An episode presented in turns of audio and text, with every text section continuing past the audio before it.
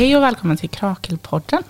Det är jag som är Emma och jag sitter här med Jakob och Amanda. Och vi ska prata om dating i den digitala kapitalismen. Och det är för att vi i våras var med i en studiecirkel som hette Kärlek i chimärens tid. Där diskuterade vi Amanda Romares omtalade bok. Halva Malmö består av killar som har dumpat mig. Och även texter från Eva Los och Bell Hooks. Värt att nämna var att den här studiecirkeln både var digitalt då, som vi var med i, och även fysiskt i Krakels lokal, ledd av Ilja. Så det här avsnittet kommer vi helt enkelt att prata om våra diskussioner och reflektioner från den studiecirkeln. Vill eh, ni börja prata lite om boken så vi ändå spenderar några träffar att diskutera eller snarare bearbeta?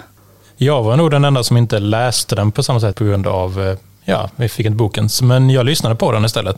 Och det var ju väldigt intressant att lyssna på den. Eh, kanske lite svårt som kille att lyssna på hennes reflektioner, men det var viktigt ändå att säga att det kan gå väldigt långt med att försöka hitta dejtingen och som hon gjorde i sin bok. Att hon tog ett, ändå ett år på sig att ja, bara dejta och se vad, vad det gav egentligen. Så var det ändå rätt intressant att följa den historien. Det var ju lite som en någon sorts dagbokform.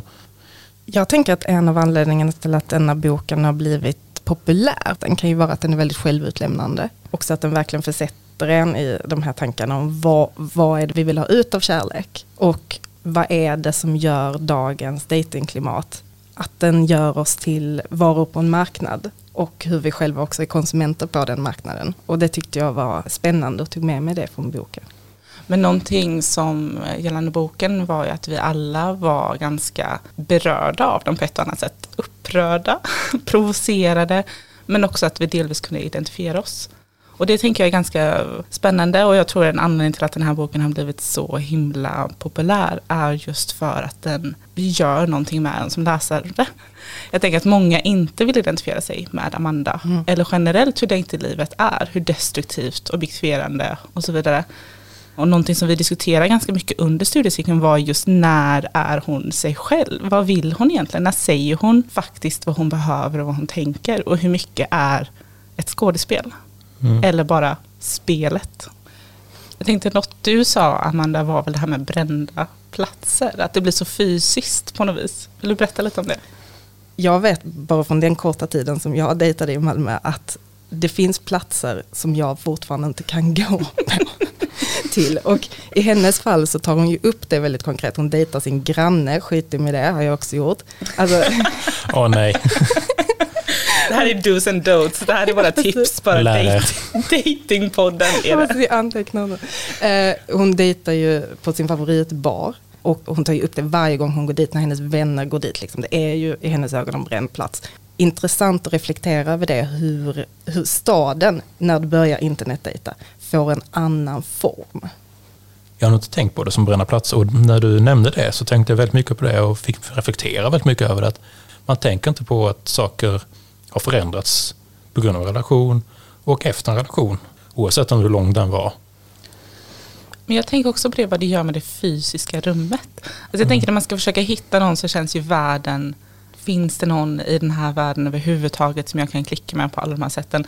Då känns ju världen liksom oändlig på något vis. Att det aldrig kommer gå. Sen när man då har något ex man inte vill stöta ihop med så känns det plötsligt som att alla bor i ens kvarter. Den här kontrasten med att man ska visa upp sitt inre jag, man ska representera sig själv, man ska gå till en bar som på något vis är ett statement över vem jag är. Men samtidigt då inte riskera att liksom inte kunna återvända till den platsen. Det ska vara så personligt men så opersonligt på samma gång. Och det är det jag tänker för oss lite in också på den första texten som vi läste av Eva Elos som heter Romance and Rationality on the Internet. Och då är ju ett stort tema där just hur autentisk är människan? Och speciellt när den försöker dejta i den här världen. Och där hade du ju, Amanda, en tanke om det här med internetjaget också. Vem det är i relation till det verkliga livet. Så Eva Illous text handlar om online dating på den tiden det var Match.com för kanske 20 år sedan. Och då tar hon upp att den personen du är där är en mer autentisk version av dig själv. Hon tar upp det som ett, en eh, infallsvinkel för att du är fri från kroppen. Du är fri från de här gränserna som bodily interactions liksom medför. Och då tyckte jag det var intressant att reflektera kring det. Är vi mer vår autentiska själv när vi är på internet? Eller är det de här begränsningarna som det kroppsliga sätter? hon nämner saker som att man kan vara nervös, man kan ha svårt att hitta orden. Det är väl den vi är. Det är ju en del av den mänskliga upplevelsen. Samtidigt så kan ju internet vara fritt. Speciellt kanske när vi träffar en potentiell partner. Vad finns det för friheter där, där vi kan vara oss själva mer än vad vi är i rummet? Vad tänker ni om det? Man blir väl mindre autentisk för att man vill komma närmare och verka mer likt den andra personen och då kommer närmare varandra i slutändan. Eva Los skriver ju att the internet self appears to be far more authentic, genuine and compassionate than the social public self. Och det är här vi hamnade ganska mycket i en diskussion under studiecirkeln. För att jag själv upplever att skicka ett röstmeddelande, skriva långa mail till varandra, att det är otroligt intimt. Samtidigt som alla texter vi läser och alla diskussioner gör ju att vi hamnar i att det är en alienation från jaget och att det är att man liksom deconstruct liksom sin identitet. Och att det är där rationaliteten och kapitalismen också kommer in. Så det är ett intressant spänningsfält däremellan, alltså upplevelsen gentemot verkligheten. Mm. Och var då, utifrån dating-scenen, attraktionen egentligen uppstår. Mm. I texten så refererar hon ju till filmen med Meg Ryan och Tom Hanks, You've Got Mail. Där hon menar på att attraktionen egentligen ju uppstår i mötet först. Så hela det här brevskrivandet är egentligen irrelevant. För att förälskelsen har redan skett. Även om de rent rationellt inte, inte möts och hon hatar ju honom och så vidare. Men att kroppen bestämmer. Hjärnan ska inte ha så mycket att lägga sig i. Vad, vad tyckte ni när vi läste det? För det är ju en motsättning där som är ganska intressant. Jag har tänkt mycket på det. Bland annat så säger ju Eva Elios också i sin text att om du ska beskriva dig själv så blir det väldigt likt. Ifall du tittar igenom tusen datingprofiler så kommer folk skriva att de är roliga, att de är äventyrliga, att de är varma. Det finns vissa begrepp som återkommer. Så hon menar på att det är ett skript som vi anammar. Den perfekta datingprofilen är ju snarare någon som kan i text uttrycka sig kreativt men som utseendemässigt är konventionellt attraktiv. Vi befinner oss i en värld där det fortfarande har ett väldigt starkt värde och speciellt på datingmarknaden. Måste bara ta en, en liten stund och smälta det. Men, men, det smarta du sa. jag bara, oh, du bara låt oss alla ta en minut. Sug på den nej, nej, det är det hon skriver. Jag tycker också att det är intressant för att det finns ju den här kritiken mot Tinder att det är så otroligt ytligt. Folk har inga beskrivningar eller väldigt korta beskrivningar. Man märker att någon är ny på Tinder när de har en annan caption liksom, som inte är konventionell eller sådär. Men samtidigt så utgår ju Eva Elios från Match.com där du kanske bara har en bild och sen så enormt mycket bakgrundsinformation. Men även ifall vi vet ungefär vad som är ett bra val i val av partner så kommer vi alltid går på känslor. Vi är ändå beroende av en attraktion, av ett klick. Exakt. Eva skriver, people do not know and probably cannot know themselves well. And that they do not really know which kind of person will make them feel what. Alltså egentligen så ska ju vi inte lägga oss i oss själva vårt egna datingliv, låter det ju nästan som då. För att de här datingprofilerna som hon skriver gör ju att man antingen övervärderar egenskaper av en person och det blir en fantasi, det blir nästan som en besatthet, det blir en checklist och så vidare. Eller att man då undervärderar. För att man kan liksom inte rent känslomässigt knyta an till en profil där det inte finns några emotioner bakom. Där det bara finns ett rationellt jag. Kanske egentligen borde vi kanske ta bara att ja, men vi kör en hands-off. Vi ska inte lägga oss i och är en dejtingvärld bara ta det som det kommer kanske. Vi kanske mår bättre av det. Men det är ju inget, inget bra för eh, kapitalismen. Den vill ju att vi vill ju sälja oss och vi blir produkten. attraktion uppstår ju också via kroppsspråk och obetydliga små gester. Att det är där som passion finns. Men det är också där man blir äcklad. Och det kan man inte se på en Tinderbild. För man ser inte hur kroppen rör på sig, hur den låter och hur det känns i relation till ens egna kropp. För ett exempel är ju hur de i den här datingprofilerna kan typ klicka i att de har så här wind-tossed hair. för att försöka uppvisa den här dimensionen av hur en kropp rör sig och ser ut och existerar i det fysiska rummet. Men eh, jag tror det var Ilja som tog upp det här exemplet också under studiecirkeln, att ibland kan det ju bara vara ett skratt som påminner typ om en kompis man hade på lågstadiet och det är det som gör att man blir lite varm inombords. Att mm. det är ologiskt, för att det ska vara ologiskt. Tinderbilderna visar en kropp Och det är ju så attraktion uppstår. Men å andra sidan är ju kroppen helt avskalad. Man måste se sig ett fysiskt möte. Ja men det är inte också rätt intressant att säga att vad Tinder är gjort för. Det ska gå väldigt snabbt, bara för att hitta någon. Och vi ska nästan inte ha en partner, det ska växa mellan partners hela tiden. När vi läste Amanda Romares bok så var vi ju ganska kritiska kring det här med att tvåsamheten är lösningen.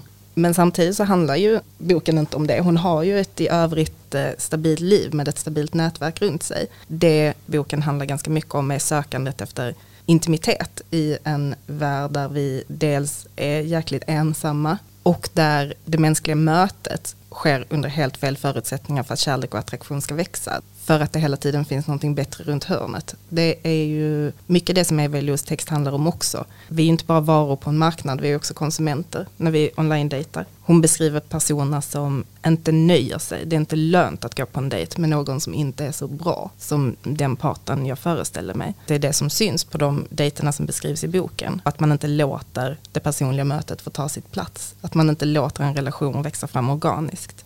Om man inte får feeling så är det, det är ingenting att ha. Då är det bara att gå vidare till nästa. Liksom. Så på ett sätt så förstår jag verkligen hur den här, hur den här känslan av hopplöshet, att det, den är ju verklig. Det är ju inte bara någon som har blivit såld att tvåsamhet är det ultimata eller att partnerskap är det ultimata. Utan det kan ju också vara helt enkelt att man ser sig själv speglad som den här varan, den utbytbara, så pass ofta och länge.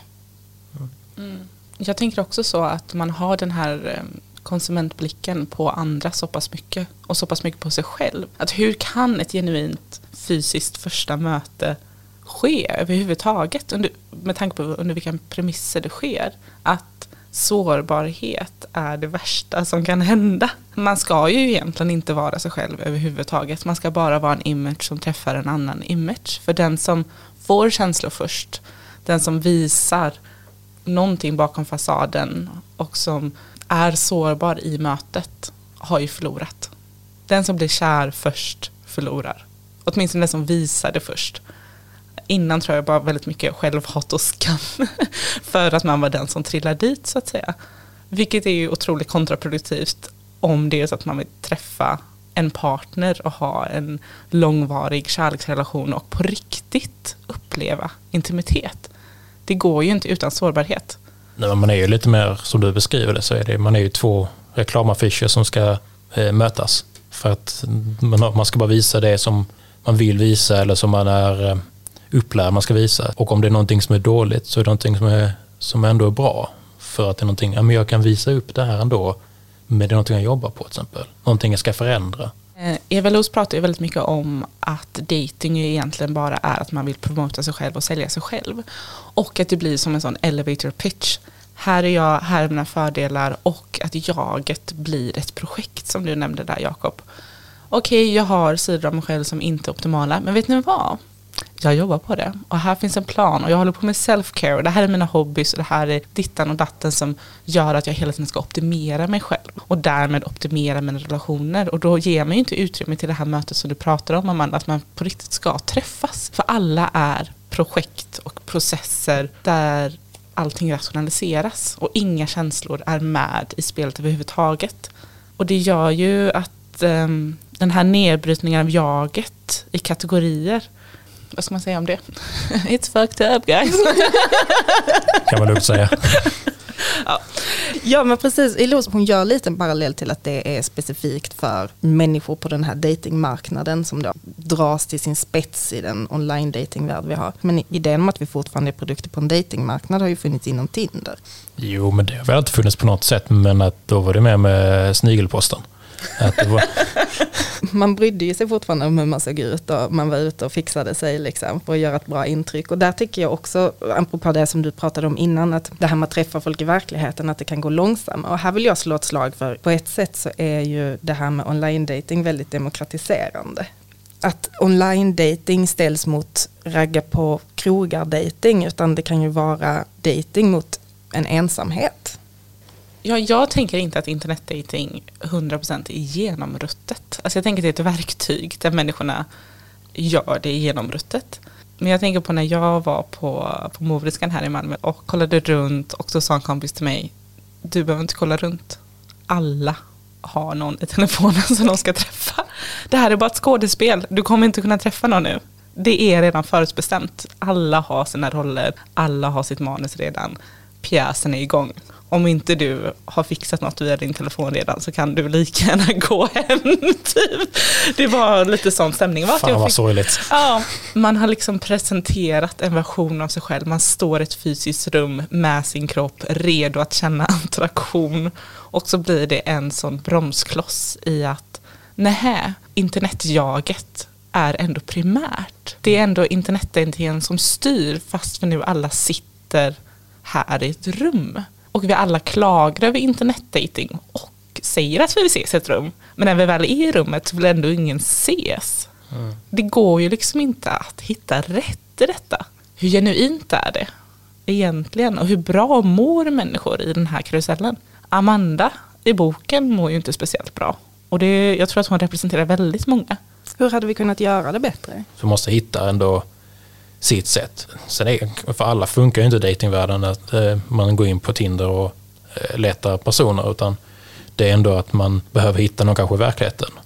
Och då är det kanske enklare att eh, skippa dating, internetdatingen helt och hållet. Att, Men samtidigt sa jag Amanda att man inte ska dejta sin granne. Alltså vart ska jag har man, inte dejtat min granne. var ska man träffa folk? Kanske man undrar om det inte är via internet eller om man är introvert eller man rent ja, man har inte förutsättningar i livet till exempel. Då är ju en app i fickan som man kan hålla på med när man sitter på bussen på väg till jobbet väldigt praktisk. Så jag tror det är viktigt ändå att det finns möjligheten men att som kapitalismen har tagit eh, datingapparna och datingvärlden så blir det ju väldigt missvisande för att skapa problem. Att det ska gå väldigt fort, du ska, bara, du ska inte vara i en relation, du ska gå vidare, du ska träffa en, ah, okej, okay, nästa, nästa, nästa, nästa, nästa. De vill att du kommer tillbaka och använder datingappen. Du vill inte att du träffar en person, ja perfekt, då har vi den och går vidare. De vill att du ska fortsätta konsumera helt enkelt? Ja, du är en produkt och du ska konsumera.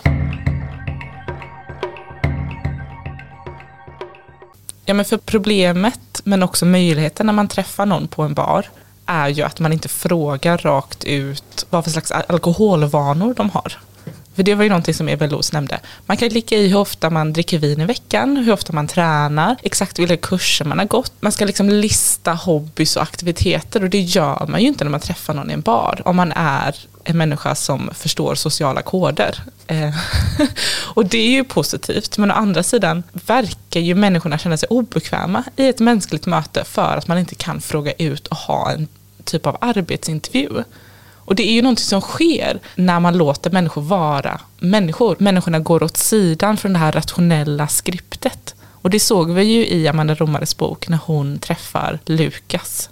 Och att hon åker upp dit och träffar honom och eh, de har det fantastiskt tillsammans och jag kände mig väldigt hoppfull när jag läste det. Jag tyckte det lät väldigt romantiskt och fint och de stirrar varandra djupt in i ögonen och de verkar ju vara i sina kroppar, uppleva sina känslor och det finns någonting där på riktigt.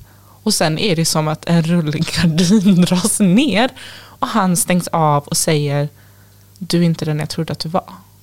Nu när jag vaknar så är det annorlunda. Och hon blir hjärtekrossad och jag blir hjärtekrossad. Och jag tänker, vad är det som sker? Är det så obehagligt att vara i sin kropp och vara en människa? Jag håller med att det är flera situationer som hon målar upp i boken som är absolut hjärtkrossande. Det är verkligen det jag har tänkt på det redan innan vi läste boken också när jag började dejta och kanske framförallt pratade med mina vänner som jag älskar och respekterar om deras syn på dejting och att många hade den här idén om att man kommer dit och de inte ser ut som man trodde att de gjorde eller de pratar om saker som är ointressanta, nej men då är de ingen poäng. Och då tycker jag, det var bara en reflektion att vi kan ju inte som samhälle hamna där utan att stå emot. Det mänskliga mötet är värdefullt oavsett om du är attraherad av personen eller inte. Alltså att sitta ner en och en halv timme, två timmar med en annan människa. Kanske framför allt en människa som du aldrig hade haft chansen att träffa ifall det inte var på grund av Tinder. Det är ju en värdefull situation i sig själv. Det är ju inte så att man i andra sammanhang bara lämnar rummet för att personen är ointressant och oattraktiv. Jag menar vi kan ju ha relationer med kollegor eller klasskamrater, alltså man kan ju bete sig vettigt. Men hur människor... Folk stormar ut för att det inte är någon knullbar i rummet. Vad skulle det, men så, så känns det ju nästan ibland som att det är så. En okulär bedömning, bara, nej. Jag har bättre sak för mig.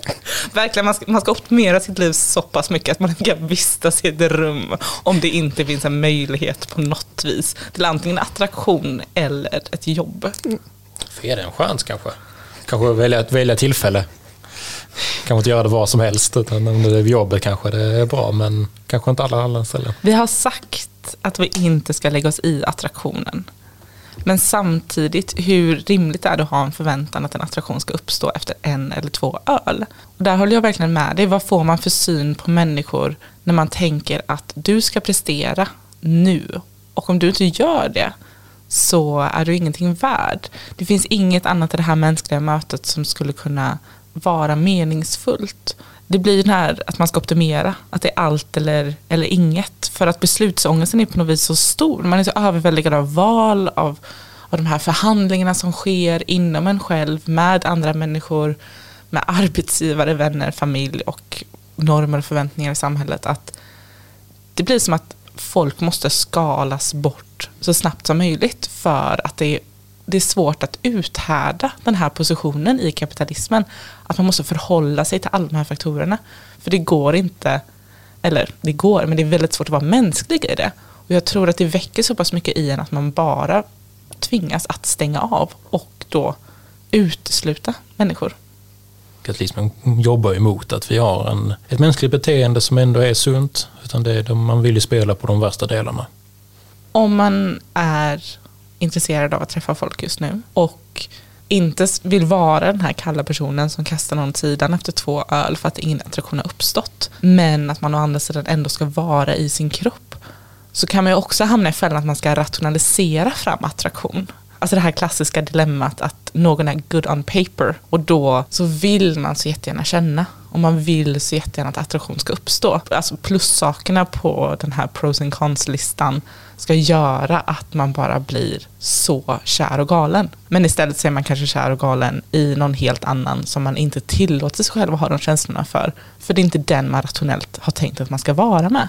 Det, kommer, det är kanske någonting som växer fram att när den personen man är attraherad till, när man kanske spenderar mer tid med dem och då blir det kanske mer att de, de visar de sidorna som inte tillåts eh, tidigare. Den naturliga processen att man kommer närmare varandra så växer attraktionen, eller attraktionen kommer igång ordentligt.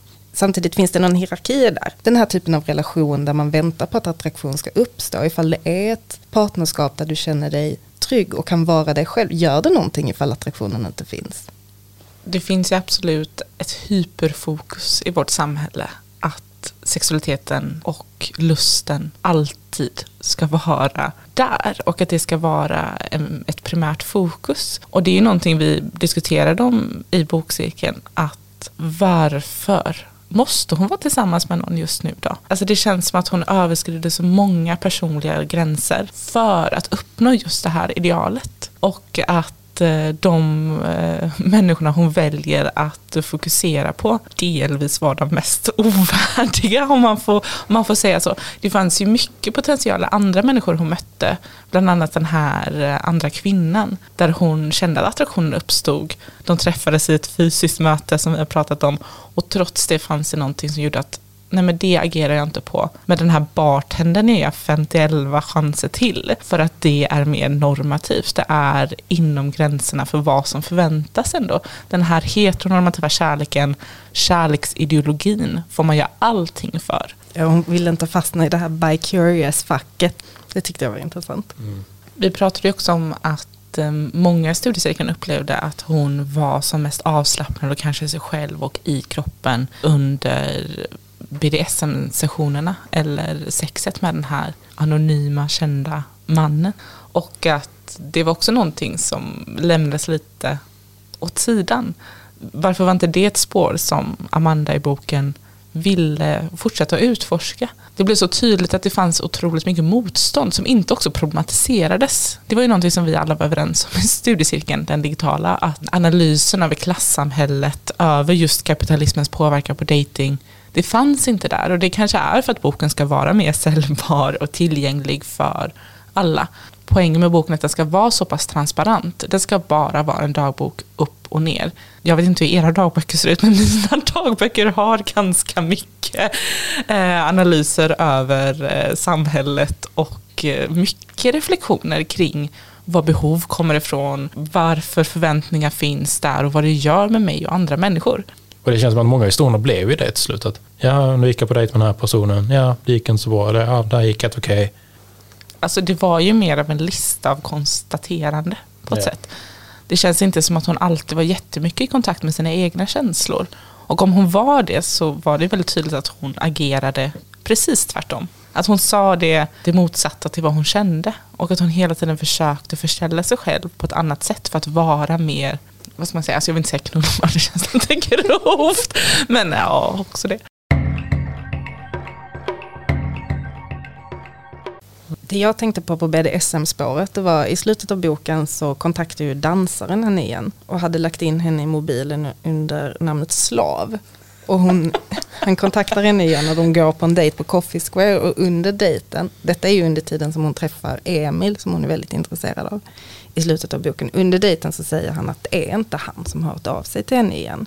Utan det är en kompis som har hittat hennes namn i mobilen och tyckte att det var intressant. Och han säger det under dejten och jag kan tänka mig att sitta där som slav, bokstavligen, ett halvår senare med en man som inte ens vill träffa dig. Jag tyckte att det var en intressant parallell. När hon träffar Emil, det är då vi får reda på att det finns en ätstörningsproblematik, att det finns ett självhat. Det är då vi börjar få reda på mer om kontexten. För det vi vet i början av boken är så himla lite. Hon, hon reflekterar kring jobbet, hennes idé av vad framgång är och hur hon lever upp till det. Men det finns också saker som vi inte känner till som kommer fram i slutet av boken. Och det är också en intressant grej med relationer. Av att det här med att vi eftersträvar att träffa en partner i många fall och sen så ska allting lösa sig. Men det är ju det som kan vara starten på det mest smärtsamma. Ifall man känner en ensamhet eller vara utesluten. Att det fortfarande kan hända i en relation. Att det på något sätt inte, inte reflekteras kring det, utan det är ju, det är ju partnerskapet som är, ska vara lösningen. En annan studiecirkel jag var med i så läste vi en text där någon, eh, jag kommer inte ihåg namnet, men vi kallar den här personen för sociologisnubben, för det, det finns det ju en annan av, som sa att det mest antikapitalistiska vi kan göra är att ha långa monogama relationer. att inte, som du nämner där Jakob, fortsätta, fortsätta, fortsätta. Det kan finnas något, någon bättre runt hörnet. Det kan finnas en möjlighet överallt, när som helst. Du ska aldrig slappna av, du ska alltid vara tillgänglig. Men också inte helt vara tillgänglig emotionellt. Det är ett sånt falskt skimmer över ens liv. Att man på något vis ska vara out there utan att emotionellt ha kanske kapaciteten eller förutsättningarna eller viljan alltid att vara det på riktigt. Det som jag tycker är intressant också med attraktion, på tal om det, är ju att vi ibland blir attraherade av eller dras till personer på grund av att det känns familjärt. Man är van vid ett visst eh, kommunikationsmönster, ett relationsmönster. Ens primära vård, vårdgivare när man växte upp, oftast föräldrarna, betedde sig på ett visst sätt och då har man lärt sig så här ser kärlek ut, så här ser relationer ut och så här visar någon att den bryr sig. Och sen så kastas man ut i datingvärlden och hittar exakt sådana här personer som har de här mönstren och så tänker man, men vänta lite, jag känner mig avslappnad. Det här är exakt vad jag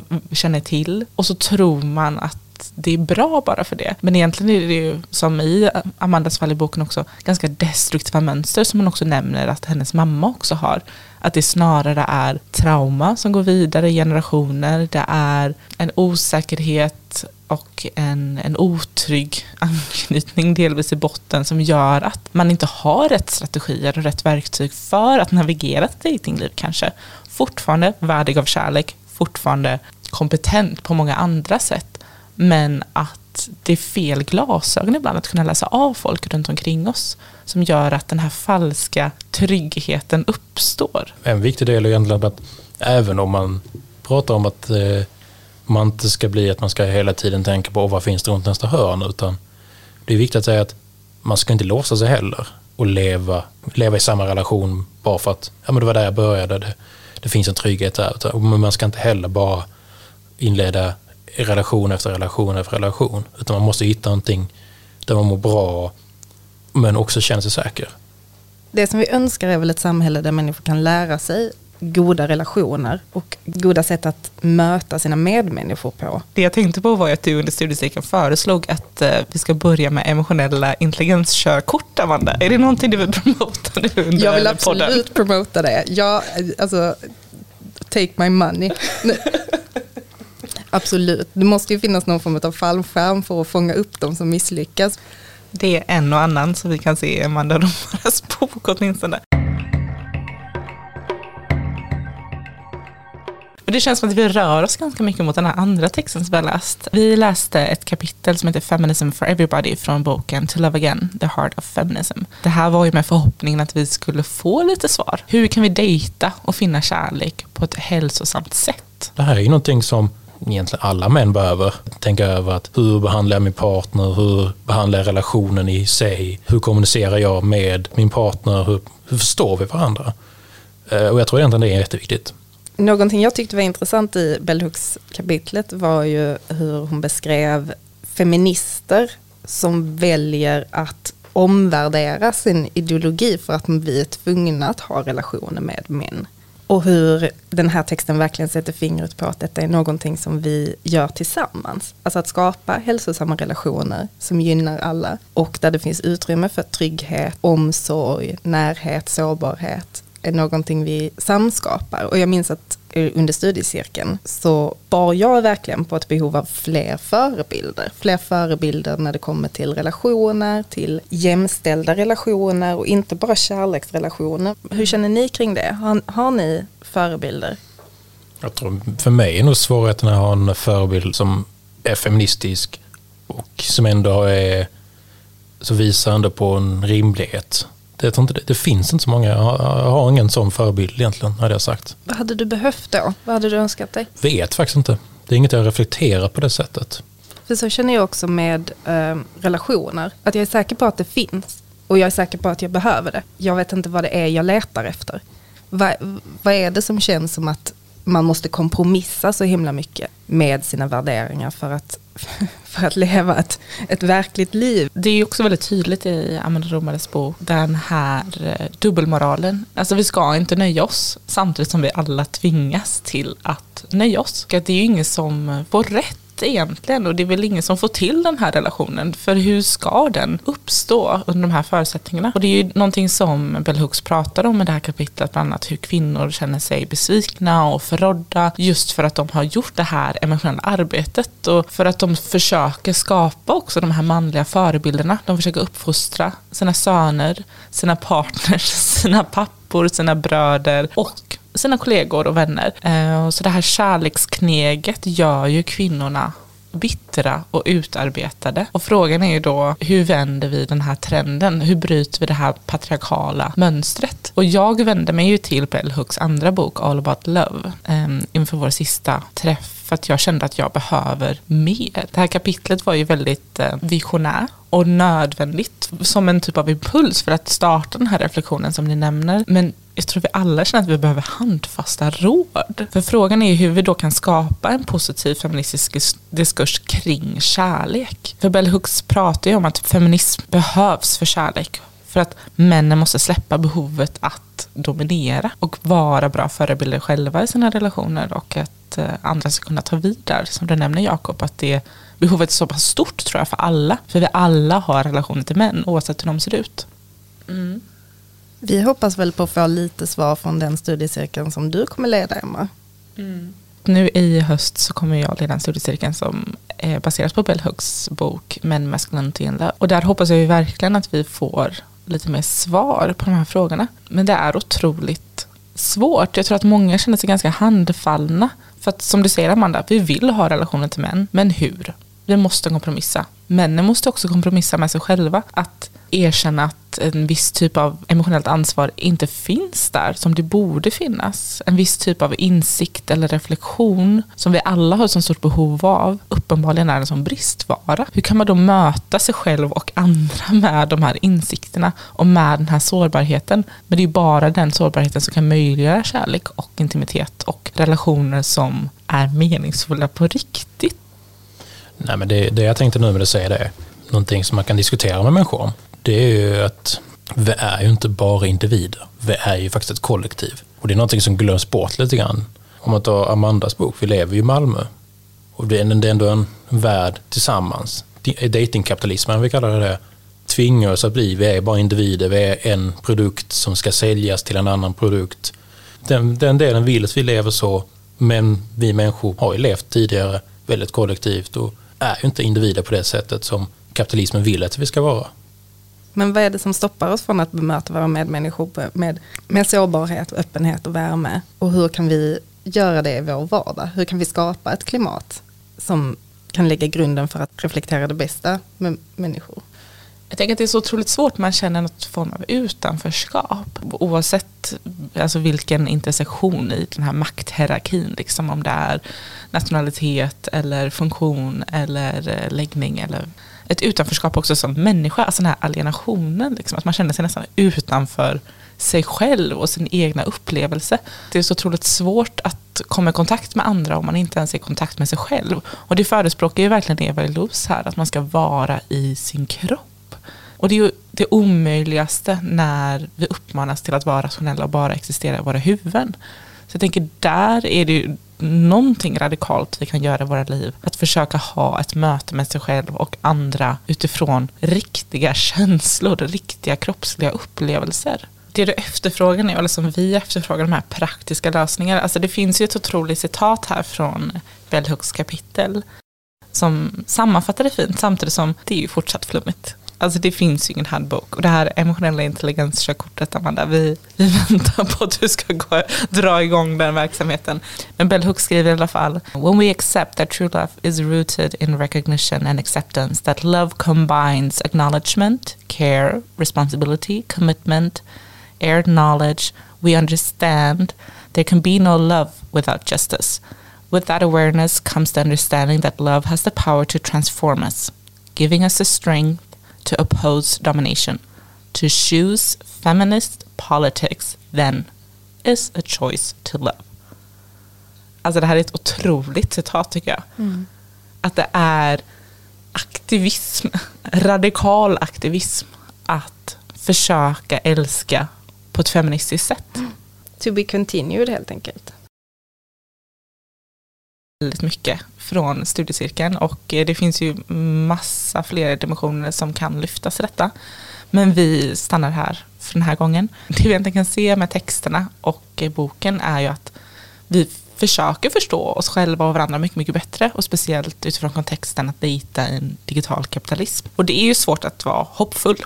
Det har vi absolut konstaterat. Och det känns ju lite som en eh, shit show, if you pardon my French. Men å andra sidan tycker jag det är en otrolig tröst att alla människor egentligen bara vill älska och bli älskade.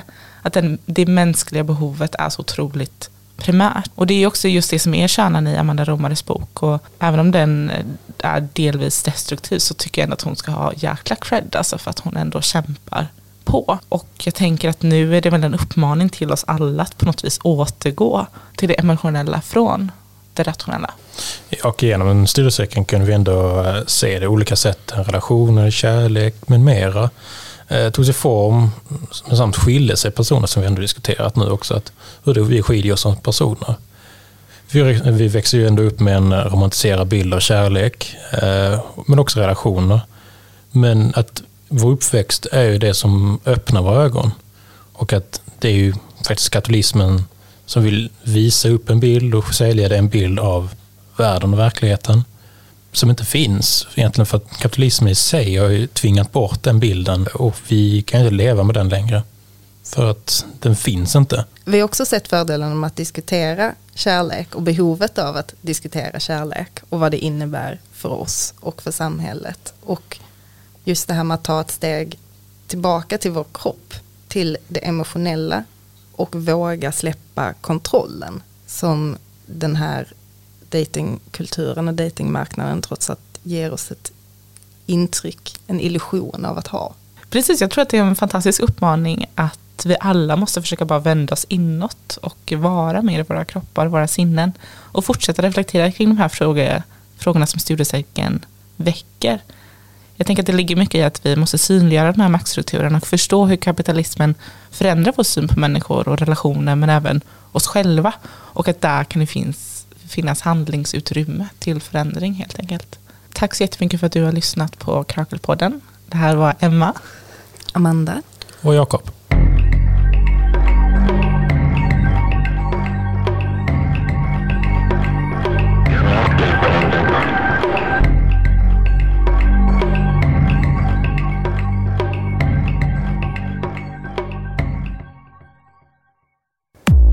Du har lyssnat på en podcast som görs i samarbete med ABF Malmö.